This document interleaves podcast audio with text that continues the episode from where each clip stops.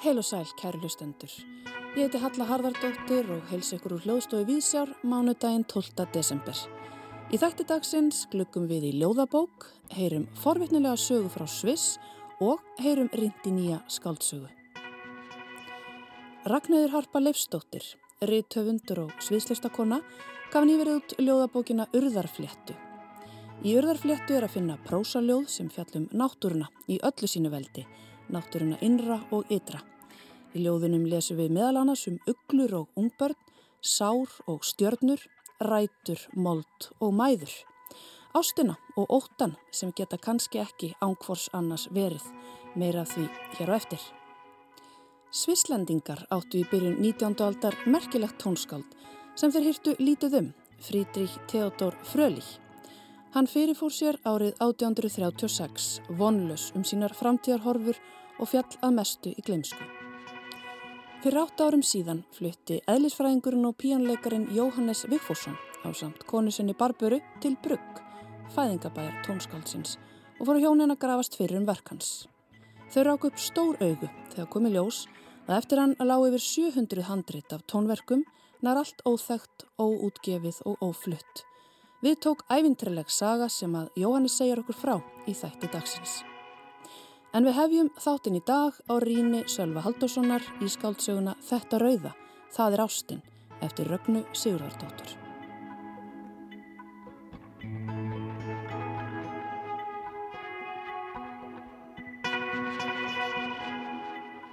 Þann 8. oktober síðastliðin opnaði síningin Geometria í gerðarsafni í Kópavogi.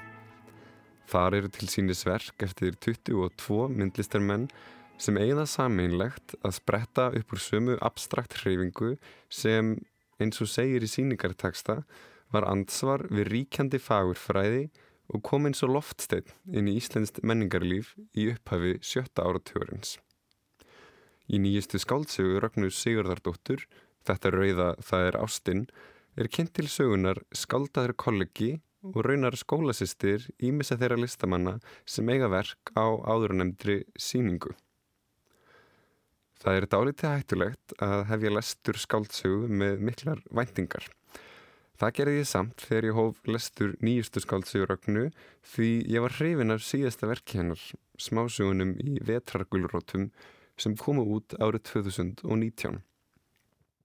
Þrátt fyrir það verði ég ekki fyrir vonbröðum og raunar var ég búin að mæla meðni við fleiri en einn áður en lesturunum var lokið Þessi sterku viðbröð skýrast einna helst af sterkri persónu sköpunu höfundar sem tekst snemma í sögunni að skapa sterkar samlíðan millir lesanda og aðalpersonunar Elsu. Sögusviðið er París, snemma á sjötta áratug síðustu aldar og sagan hefst á símtali. Í fyrsta kaplunum mætum við Elsu á herragarði fyrir utan París þar sem hún býr með einmanni sínum Marcel. Símin er til Elsu og á línunni er Kjartan, gamal vinnur sem byður um að fá að koma í heimsókn á vinnustofu hennar með nefndahóp frá Íslandi. Elsa svarar að þau séu velkomin og finnur augum Marcel kvíla á bakju sínu, sjálf skindilega orðin skjálfhend. Víkur nú sögunni aftur í tíman þaðan sem höfundur leiðir lesendur sína fram að þessu óvænta símtali. Til Parísar kemur Elsa á styrk frá menningar og minningarsjóðu kvenna til að mála og sækja tíma í Akademi de la Grande Chaumière. Þar ætlar hún sér að ná auga Mark Granier, virtsmálara og profesors sem á hverju ári býður fáinum nefndum að koma til sín í enga tíma. Nokkuð sem myndir reynast líkil atriði fyrir Elsu til að pluma sig í myndlistarsinunni í París. Með Elsu í för frá Reykjavík til Fraklands kemur vinkona hennar Maja sem sjálfur þanga komin í frönskunám. Höfundur gerir vinkonusambandi Elsu og Maju einstaklega góð skil. Sambandi sem á segja verði til í rýminu millir þess sem er sagt og þess sem er látið ósagt. Báðar standa þær ljóslefandi fyrir lesandanum í gegnum þar sem Elsa og Maja segja hvor við aðra, því sem Elsa og Maja hlýfa hvornar við að segja og því sem þær segja síðan samt. Í fyrsta kaplanum kynir Mæja Elsu fyrir kjartani. Kjartan er málari eins og Elsa og ætla sér einnig að sækja tíma í Grand Chaumier Akademíunni.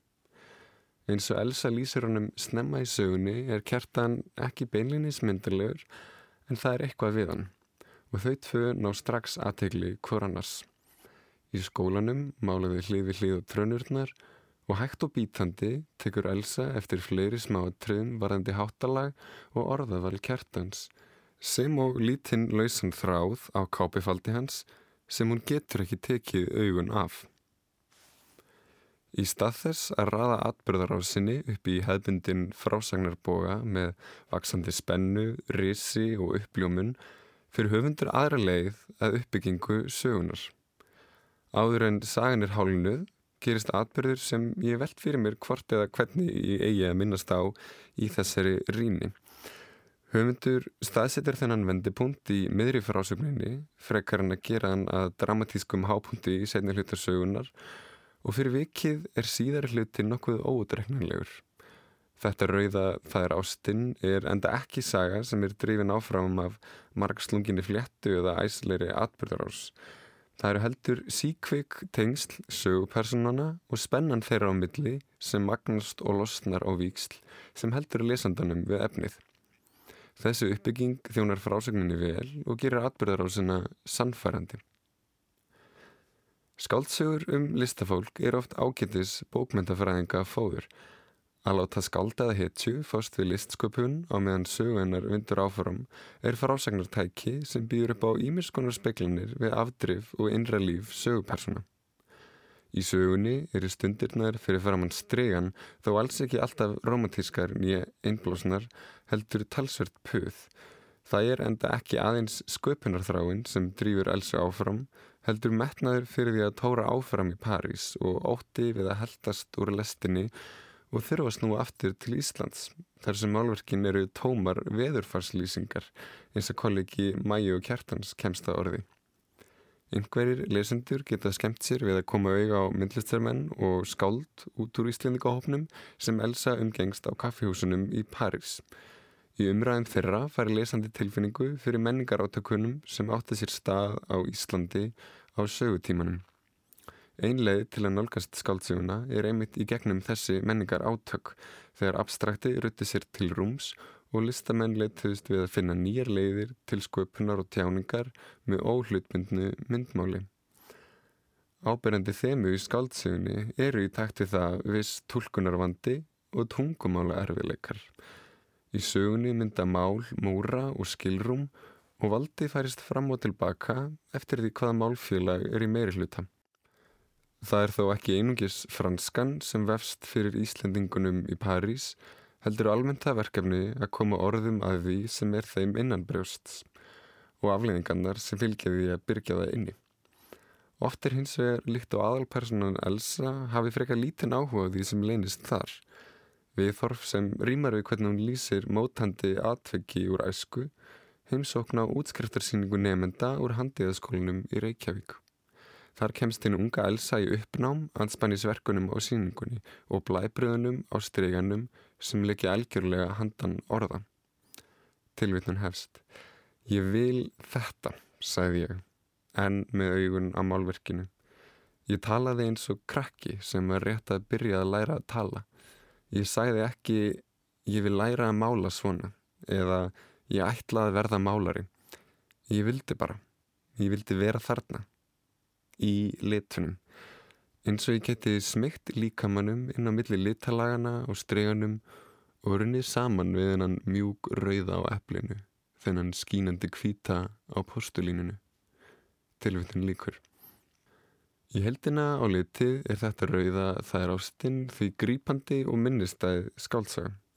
Einhvers konar ástarsaga sem fjalla þó eiginlega meira um þetta rauða. Sölvi Haldásson fjallaði hér um nýja skáldsögu Rögnu Sigurðardóttur, Þetta rauða, það er ástinn. Og þá taka ljóðin við. Ragnæður Harpa Leifstóttir, rítöfundur og sviðslistakona, gaf nýverið út bók sem hún kallar Urðarfléttu. Urðarflétta er önnur ljóðabók Ragnæður Hörpu en fyrsta ljóðabókannar, Sítrónur og náttmyrkur, kom út haustið 2019. Ragnarður Harpa er einn svikaskalda og hefur ásamt þeim gefið út nokkra ljóðabækur og skaldsöguna Ólju sem hlaut tilnefningu til íslensku bókmentavelunana í fyrra. Byrjum á því að heyra eitt ljóðana úr urðarfléttu.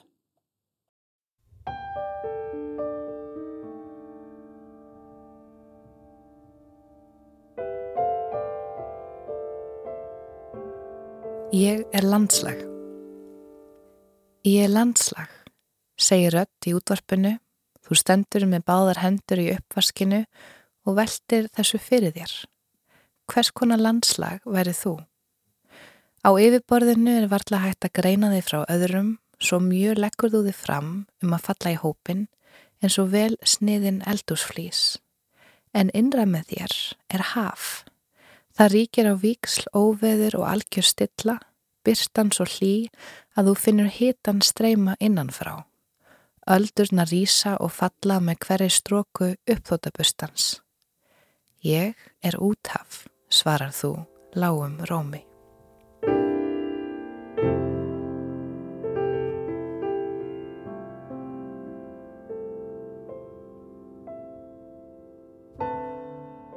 Urðarflétta. Mér langar bara til að byrja á því að tala um hennan titil.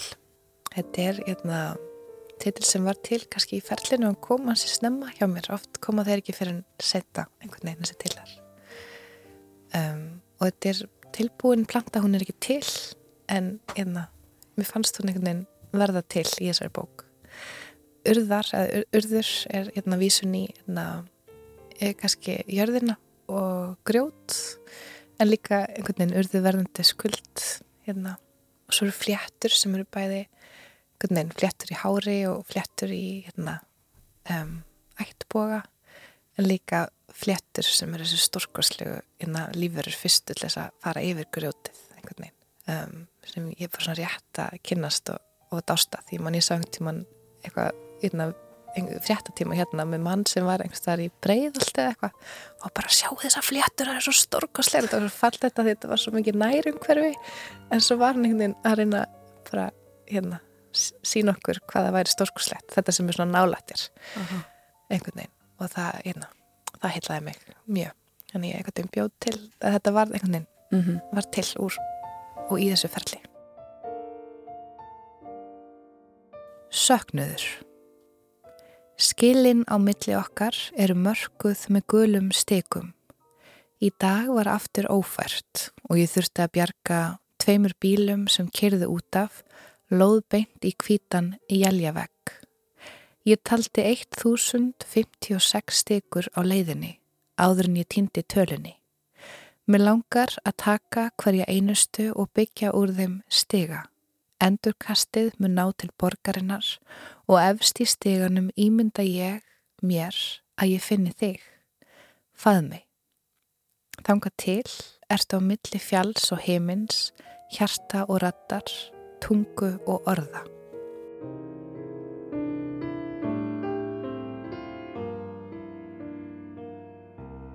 Fléttur. Þegar ég var barn og lág andvaka kom mamma Hún saði mér að úr rófubeininu lægi rót djúft ofan í jörðina. Hún bað mig um að sjá fyrir mér fíkju. Fylla hana af öllu því sem ég ótaðist. Kasta henni upp í heiminkólfið og horfa á hana springa. Ég hugsa um fíkjuna meðan ég ligg og get ekki sopna fyrir hæðslu. Innan í mér er lítil kona. Ég er að æfa mig í að treysta líkama mínum. Hann hefur gert þetta áður Við erum komin af konulíkama eftir konulíkama eftir konulíkama. Áður en ég sopna sé ég fyrir mig strengin sem tengir alla þessa konur í fortíð og framtíð. Í nótt mun ég fléttan saman við rætur fíkjutrés, sterkastar allra róta. Í von um að þær haldi mér, okkur. Í von um að hún lifi.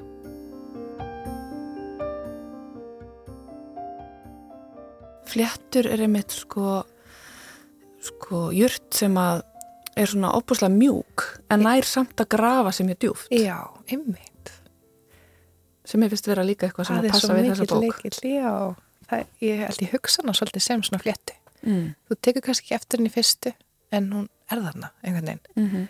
Og eins og svo margt kannski sem er í þessari bók sem er svolítið þetta, hérna, svona styrkurinn í mýktinni og þrautseginni.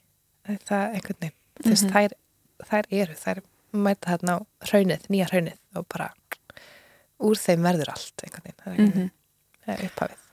Sko, ég puntaði hérna hjá mér eh, eftir ég var búin að lesa hana í fyrsta sinn, ég er búin að vera daldið að glukka í hana uh, fram og tilbaka, sem er svo gott með svona bækur að geta að fara fram og tilbaka. En það er líka eitt, sko, að við tölum kannski áðurum fyrir mig yfir í umfjöldunaröfni, sko, formið. Mm. Hvort myndur þú kalla þetta sögur eða ljóð? Að þetta eru sögur en e, þetta eru prósaljóð. Já, þetta eru svona ljóðsögur. Já. Ég held sko í einhverju fyrstu uppkasti það voru þetta örsögur en svo Mm. bara alltaf langaði með að skera það niður Mm og það eru prósatekstar, hérna, prósaljóð. Ég veit ekki alveg. Það er svo mikil taktur í þeim. Það, er svona, það eru eiginlega, já, löng. Það var líka alveg hugsað. Mm -hmm. Það eru, þú gætu tekið eru sundur og hérna, haft þær í svona sem ljóðrænt form en mér langaði alveg að þjappa þeim í, hérna, í svona þjættan teksta og ég gerði einhvern tíma og tók ég þetta allt í sundur og, hérna, og þannig vann ég þetta líka bara sá bara hann er þetta tekning, hann er hérna og svo þjappa ég þessu öll eftir. Mér finnst þetta svo skemmtilegt form. Ég hef lesið svona ljóðbækur og ég alveg elska það. Og ég Mhm. elska að lesa svona, þú lest aðeins öðruvísi. Mm En hérna, samt, ef þú veist, nú vakandi þá sérðu núningana og sérð taktinu mitt. Einmitt, taktin og, og þú tala um endutekningar. Það er eitthvað svona nokkur leiðarstef hérna í gegnum bókina Mm. og mér finnst líka að vera eitthvað svona tímarami en ég átta mikið alveg á því hver hann er eða mér finnst eins og ég sé að lesa eitthvað svona heild Mhm. en samt fer hún fram og tilbaka. Er það rétt upplifun eða hvað? Algjörlega, það er rétt.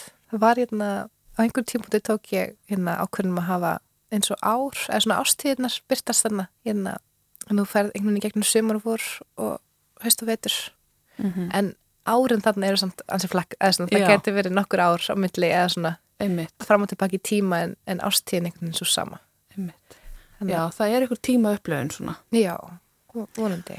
En hérna moldin og ræturnar, það er mikil náttúra í þessari bók sem kallast á við líka náttúruna í okkur sjálfum. Já, Formæðurnar eru sterkar þarna. já, algjörlega.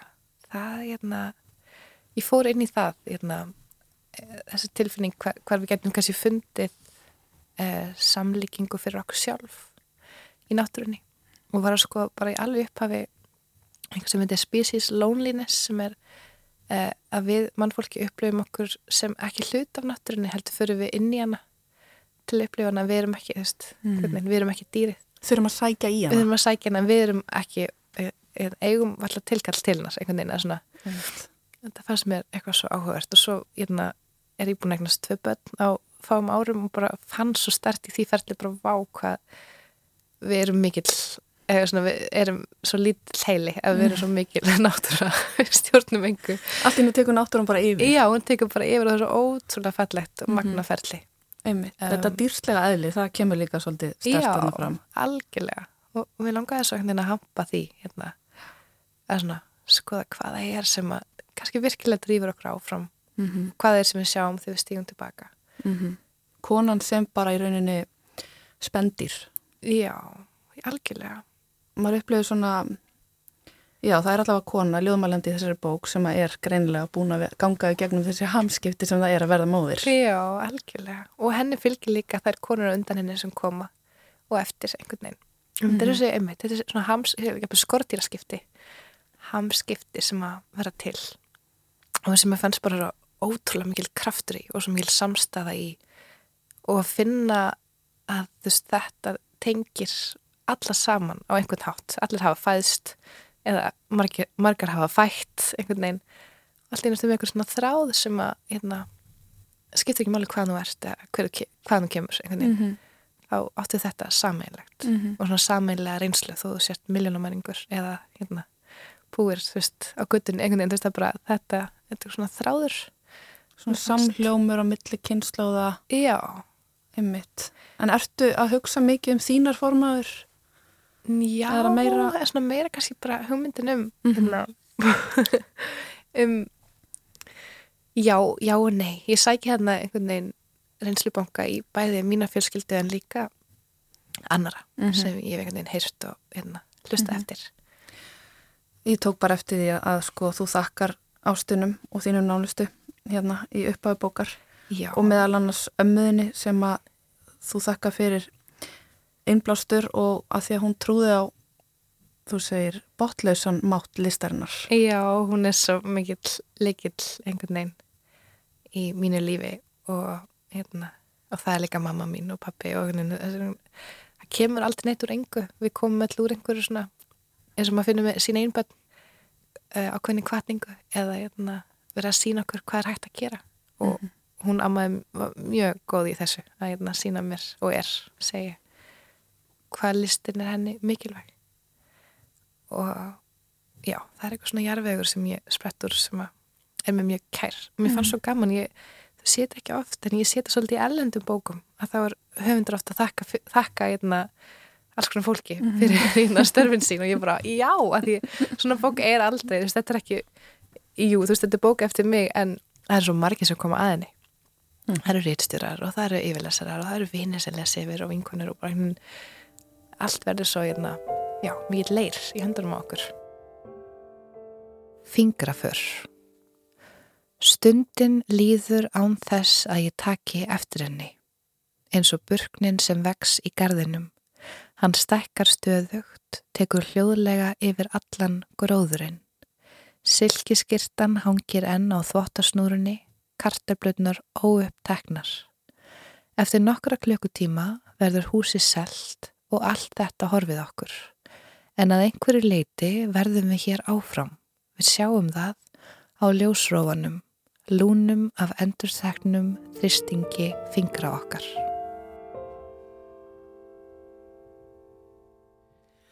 Það er hérna mikil náttúra og náttúru fegurð og hérna svona undrun yfir fegurð bara heimsins stjörnunum og, og hérna skóginum og öllu því sem er töfrandi í lífinu en það er líka einhvers konar sorg og jáfnvel ótti þarna. Já, og ógn líka. Já, Það er, hérna, það er, aldrei án byrstunar, einhvern veginn. Þú getur ekkert verið án, einhvern veginn, hvers annars. Já, finnst það að vera mikill hluti af, af öllu, af, af fegurðinni, veist, það er einhvern veginn sorgin. Það er söknurinn sem fylgir ástinni, það er, hérna, óttin sem fylgir því að elska, veist, það er einhvern veginn, þetta er allt hlut af því að vera manneskja.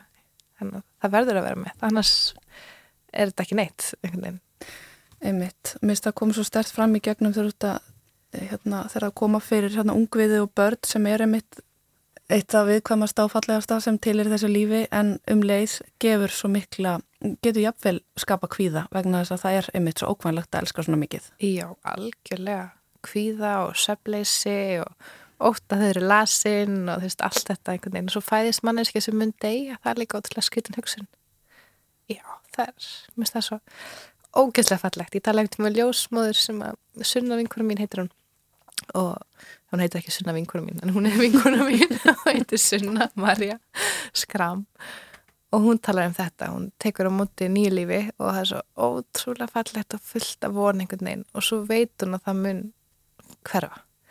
Og það er líka, þú veist það er náttúrulega hverfuleikin sem að er, hérna, gerir allt fallegt. Og endanleikin sem að, hérna, sem gerir það verkum að við tökum eftir hvernig heiminin er í dag. Og, hérna, og við einhvern veginn njótum stundarnar þegar við vitum að svo heldur hún áfram Einmitt og þessi tilfinning finnst mér vera mjög sterk í þessari bók. Já, þetta er kannski þema sem ég finna ég svolítið hérna, fösti, ekki kannski fösti en hérna, er mér mjög hugleikið um, þessi svona, já, hátíð hverfuleikans Einmitt, urðarflétta, mér finnst einmitt vera svona það er mikil loft og mikil jörð vegna þess að það er mikla mangaveltur um lífið og, og hverfileikan, forgengileikan, tíman, viðkvæmnina en á sama tíma uh, þá ert að yrkja um jörðina, moldina, ræturnar, sambandi við aðra manneskjur, tengslin og allt sem að mynda kjarnan. mm. Mér finnst að vera eitthvað með þessi tvö element svona daldi sterk saman. Já, æ, frábært að þið finnist það ég er mjög þakklægt að það lesist hérna í gegnum hana það var algjörlega hugmyndin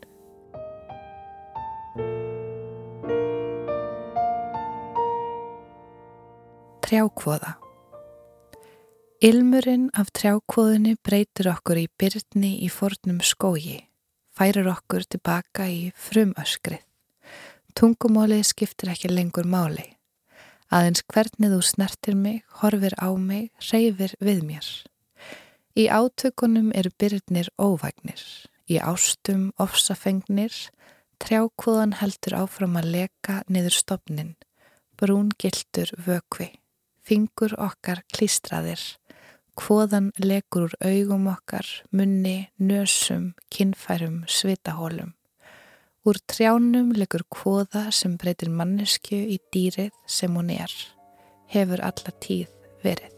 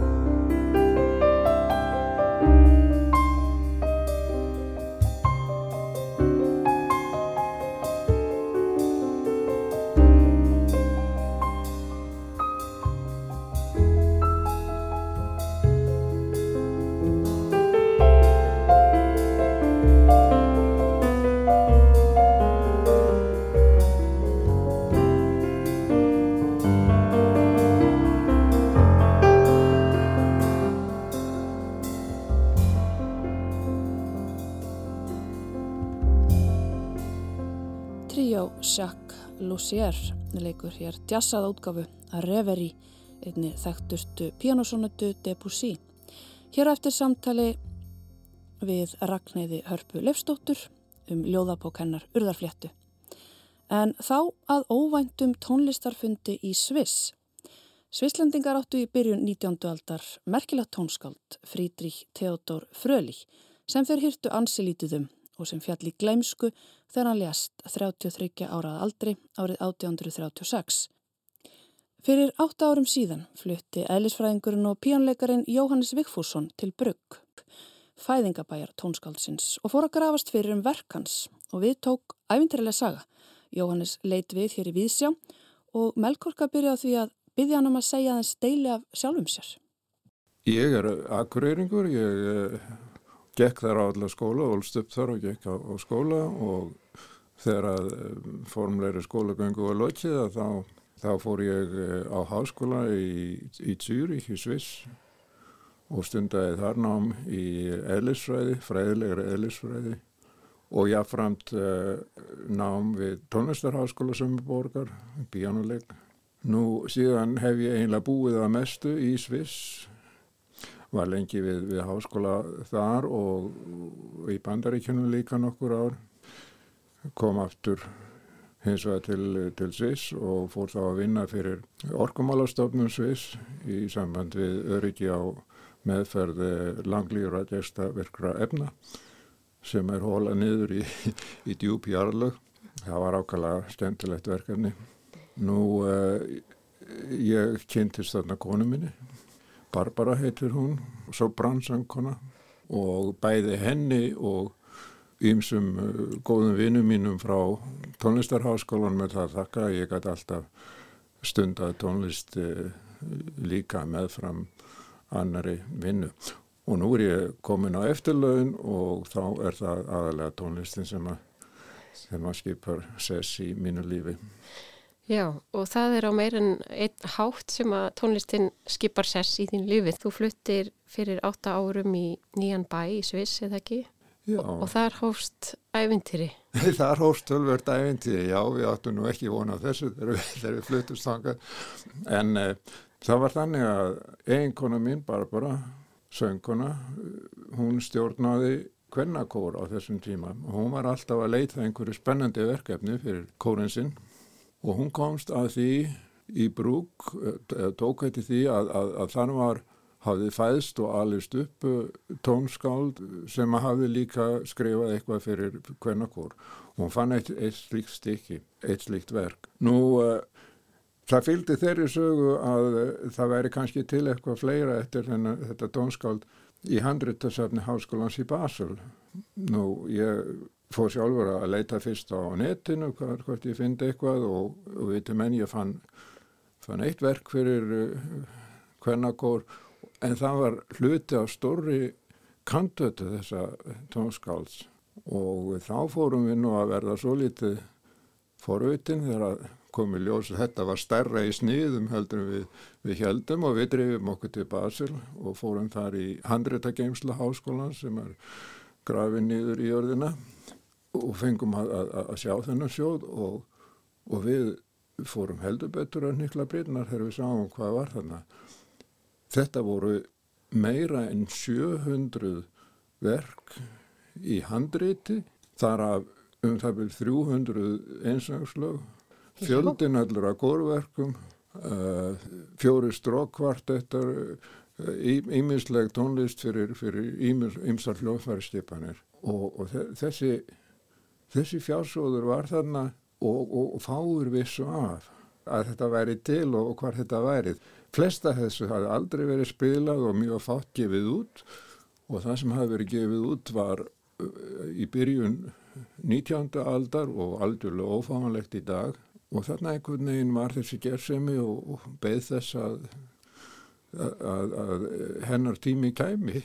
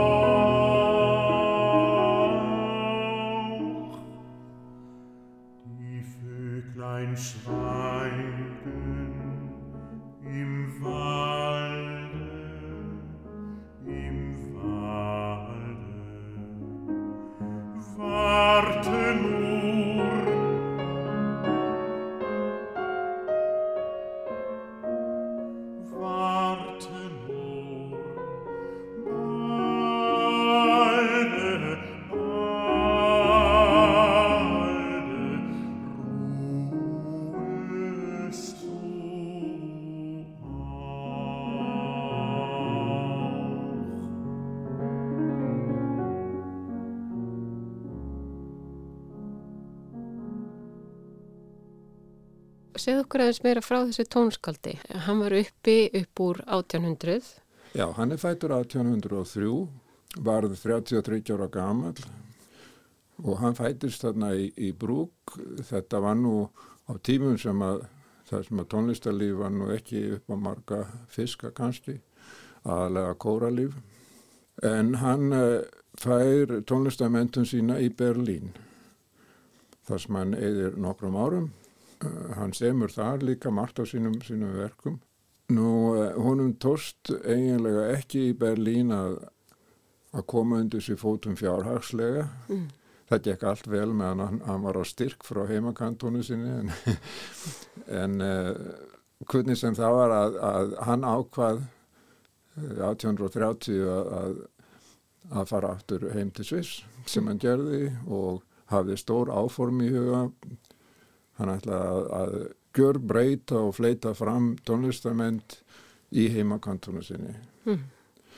og hann eh, fór þá til borgar sem heitir Ará, það er höfustæðu kantónunar Argá og fór að kjanna þær við skóla og stjórnaði kórum, hljónsveit hafði fólk í enga tímum og þetta náttúrulega fylgti daginn en á nætturna skrifaði hann tónverk og, og það voru alls ekki þau, þau minnstu af þeim sem hann gerði, það voru, voru meistarverk virkilega.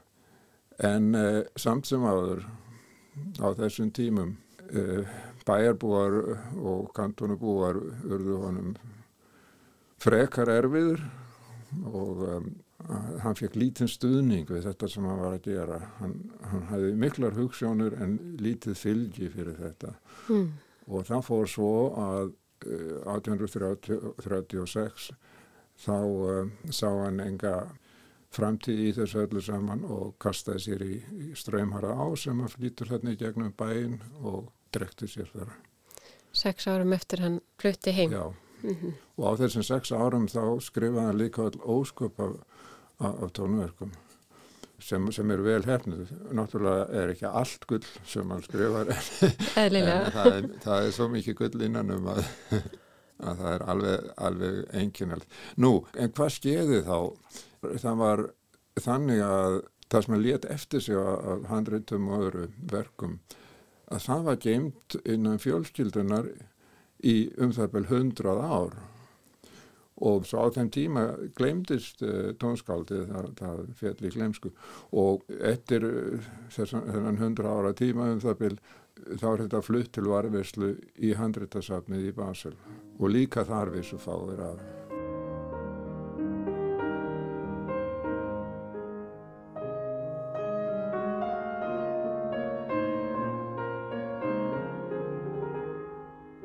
Einstaka tónlistafólk hafði reynd að, að, að brjóta þagnamúrin, getur maður sagt, en, en það hafði ekki fest rætur einhvern veginn.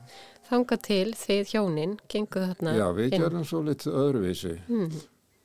Fyrsta lagi, það fyrsta sem við gerðum var nú bara að, að reyka upp stóru auðu og, og, og þá ákvæmum við bara svona sem gjöð til bæri eins og því við vorum nýflutt í bæin að halda uh, einstags tónlistastefnu í, í bænum þar sem að saga þessa tónskáls væri rivið upp og, og aðeins leikin tónverk eftir hann. Mm -hmm. Þetta var það fyrsta sem við gerðum og þetta tóst vel og var tekið mjög vel á móti þessu og þá, þá sáum við að þarna var tækifæri sem varð að grípa strax mm -hmm. til, ef við ætlum að, að, að láta þetta verða til þess að að smá svona fengi þessi þetta tónskáld þá aðtökli sem hann verðskuldaði. Mm -hmm. Svo við stopnum í flíti tvö félög með það fyrir að hlutverki að rannsaka, rýðstýra og gefa út það sem var gott af nótum í, úr, úr hendi tónskáldsins en einni að sjá til þess að þessi tónverk verði flutt á tónleikum. Mm -hmm og hugsunum var í, í, í þessu þá var, var nú óskup einföld við ætlum að veikja brúkarbúa til, til umhugsunum um það að þeir búa þarna í fæðingabæ einhvers mesta tónskáls sviss á, á upphöfi 19. aldar svo í frumromantíska tímanum. Nú þetta, að þetta gerði svona lukkuð þá ákveðum við að bara reynlega stofna svona tónlistarstefnu, árlega stefnu og það kallum við frölíkt daga mm -hmm. og heldum þá um dánardægur frölíks, þess að 18. oktober og þetta erum við búin að gera sexunum síðasta skiptið fyrir COVID gerði þetta mjög mikla lukku þá, þá færðum við upp uh, passjónskantötu þessa tónskáls með kór, hljónsveit og sexólistum og þetta gjörfylgti stærstu kirkju bæjarins Nú, svo kom COVID og þá var þetta nú alls saman erfiðra. Já, kannski minna í sniðu. Það var ekki að kóra músiki. Nei. Og svo að síðan höfum við bara verið með aðra tónlist, sérstaklega ljóðasöng og, og tónverk fyrir, fyrir annað önnur ljóðfæri en hljónsveit. Og nú hafið þið vakið íbúa brugge til umhugsunar og vakið aðtegli á þessu merkilega tónskoti sem þeir eiga en ekki nómið það, þetta hefur vakið aðtegli víðar og bara nýlega var þáttur í Svísnerska ríkisútarpinu um þessa tónlist hans, frulík. Já, já, já. Það er í annarskipti sem að, sem að þeir þeir hugsa um okkur að hérna, líka það sem ég var að segja frá passjónskantötunni eh, samfara því voru þættir í sveisnesku sjónvarpi útvarpi vil ég segja og í þýsku útvarpi líka. Þetta er, þetta er alltaf að verða starra og starra í sniðum hjá okkur svo litið og þetta er, er mjög gott fólk sem er farið að koma til okkar og þann kannski vegna þess að að núna var dálitið mikill áhugi en það hafi líka með það að gera að í fyrsta skipti letum við gera geysladisk af dagskrá eins koncertsins með náttúrulega sama fólki. Og hann var tilbúin rétt fyrir fyrir tónleikana svo að við getum lagt hann fram þar. Já. og það var einar annað sem við gerðum líka í fyrsta skipti þarna. Nú í fyrsta skipti þá gáum við út tónverk í eiginfórlegi og það var líka tilbúið rétt fyrir tónleikana við kantum lagt það fram þar til sínis og sölu en það var aðalega verið geysladiskurinn sem að hjálpaði til að, að þetta kom aftur í útvarpu og, og sannig Og á honum eru sönglög sem að basbaritónin Klaus Mertens syngur á samt ukrainskum pínuleikara Jú, Lavrín Engo Og elegýr Já, já, já. Elegýrna spilar þessi, þessi pínuleikari, Lavrín Engo Klaus Mertens er mjög vel þekktur í, í, í Þýskum löndum, hann hefur komið fram á, á mjög mörgum geysladiskum, ég held að hann telur þetta í hundruðum. Mm -hmm. Það er náttúrulega, er ekki, er ekki kannski rétti mælikvarðin en, en það má heyra á, á geysladiskum að hann uh, kann sitt fag.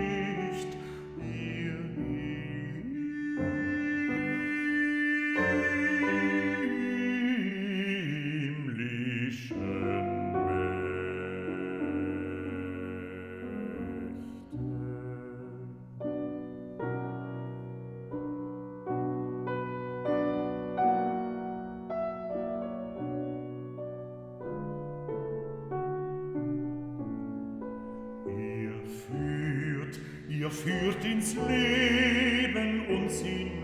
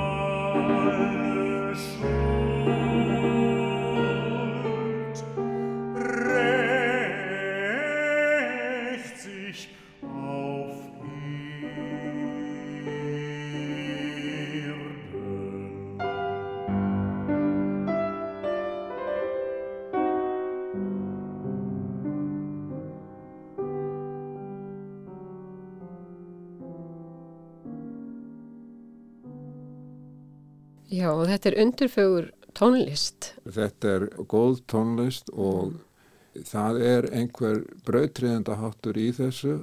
Má líka taka eftir því ef maður ber saman á þessum geisladisk til dæmis. Það eru tvær, ég verða að nota því stór, grúpur, tveir hópar af uh, sönglarum. Fyrir hópurinn er svo litið eldri, hann, er, hann var gerður í Berlín á sínum tíma og setni flokkurinn verður til í Ara á tveimur árum áður en að tónskaldið dó.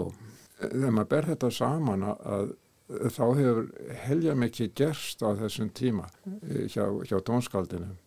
Fyrir flokkurinn, það, það er svo litið eins og hérna söngvarinn segir sína sögu og, og hann gerir það upp á sviði og það er svona baktjald sem að sem að tónlistin gerir. Hún, hún rammar þetta allt saman inn og, og, og, og, og tengir saman og svo framvegis. Í setni flokknum þá er þetta orðið öðruvísi.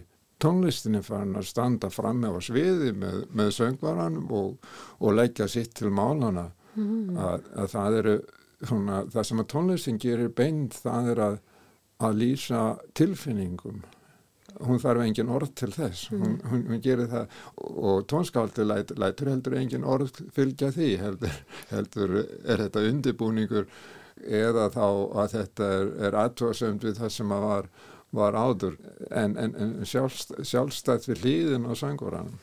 Og, og á sama tíma er líka ímsa nýjungar getur maður sagt eða tilraunir í, í söngnum að, sem maður getur heyrt í þessum setna flokki að hann er farin að, að setja talsöng, recitatív mitt inn í söngin, allt í einu þá, þá, þá er ekki sungi lengur heldur, heldur eitthvað borið fram með sem að les hværi og þess aftar mm -hmm. hluti sem voru algjörlega ofinjulegir á, á þeim tíma. Hann hefur verið ástriði fullur og kannski svolítið á undan sinni samtíð. Ég veit ekki hvort hann var á undan hann, hann í fremstu línu getum að sagt. Hann hýrti ekkert voðalega mikið um, um, um það hvað ætti að vera heldur, heldur livðan í, í tónlistinni og, og hefur náttúrulega taka eitthvað áhrifum allstað frá. Mm -hmm. en hann vinnur með þessu heldur áfram og bætir í og, og gerir alls konar kunstir sem að er ekki alveg sjálfsæðar Mitt og við getum verið þakklátt fyrir það að þið Barbara funduð þessa músík og gerðuð henni skil og kynntuð hana fyrir bæði svislendingum og svo okkur hér heima. Já, það, það, það var komin tími til að, að þetta kæmi upp á yfirborði, sko, þetta var, var eins konar þyrnirósar uh, svefna þessu þarna mm -hmm. og við erum náttúrulega, höfum volið gaman að hafa geta verið með, með í þessu og núna er, er það sem er, er aðal, það sem við hugsaum dálítið um, það er það að, að að við verum að skapa alltaf traustan grundvöld undir þetta svolítið að þetta geti haldið áfram þótt að við kannski okkar kraftar þrótt einhvern veginn mm -hmm. en það er á góðri leið líka bærin þarna, bæjarfélagi það er, tekur okkur alvarlega núrið og hefur sett uh, líka fastan lið í fjárlög sín og uh, það er eitt og, og annað er að það er að, það er að aukast samfinna við stærri koncerthaldara þarna um, um flutning á ljóðflokkum þar sem við hjálpum til við, við skipulagningu og sjáum um, um öll atrið kakvart nótum og svo leiðis. Þetta hefur tekist ágætlega og, og, og þetta er akkurat það sem við viljum draga fleira fólk inn í þetta Já. og þá getur þetta fengið eigið líf og, og lifa svolítið lengur heldur en við. Já. Og það er tilgangur um öll. Dásanlegt. Takk fyrir að segja okkur þessa sögu Jónis Viffússon og takk fyrir að koma hingað. Sýsa fríde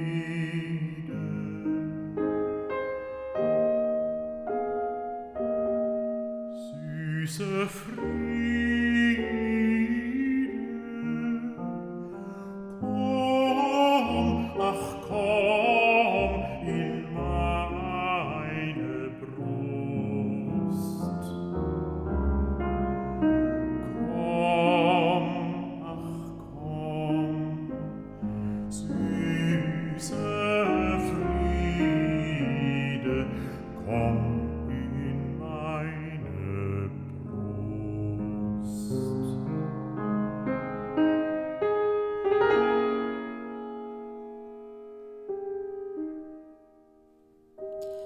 Melgorka rætti hér við eðlisfræðingin og píjónleikaran Jóhannes Vigfússon sem ásamt konu sinni, Barburu, hefur átt stóran þátti því að tónskaldið Frídrík Theodor Frölich hefur nýlega verið endur uppgötað og viðurkent sem mikilvægasta snemromantíska tónskald Svislendinga. Við hörðum líka fluttning þýska bass-baritónsöngvarans Klaus Mertens og úgrænska píjónleikarans Lavrenko á nokkurum sönglögum af nýjútkonum gisladiski með verkum Frölich. Og hér ljúku við þætti dagsins, takk fyrir að hlusta og verið sæl.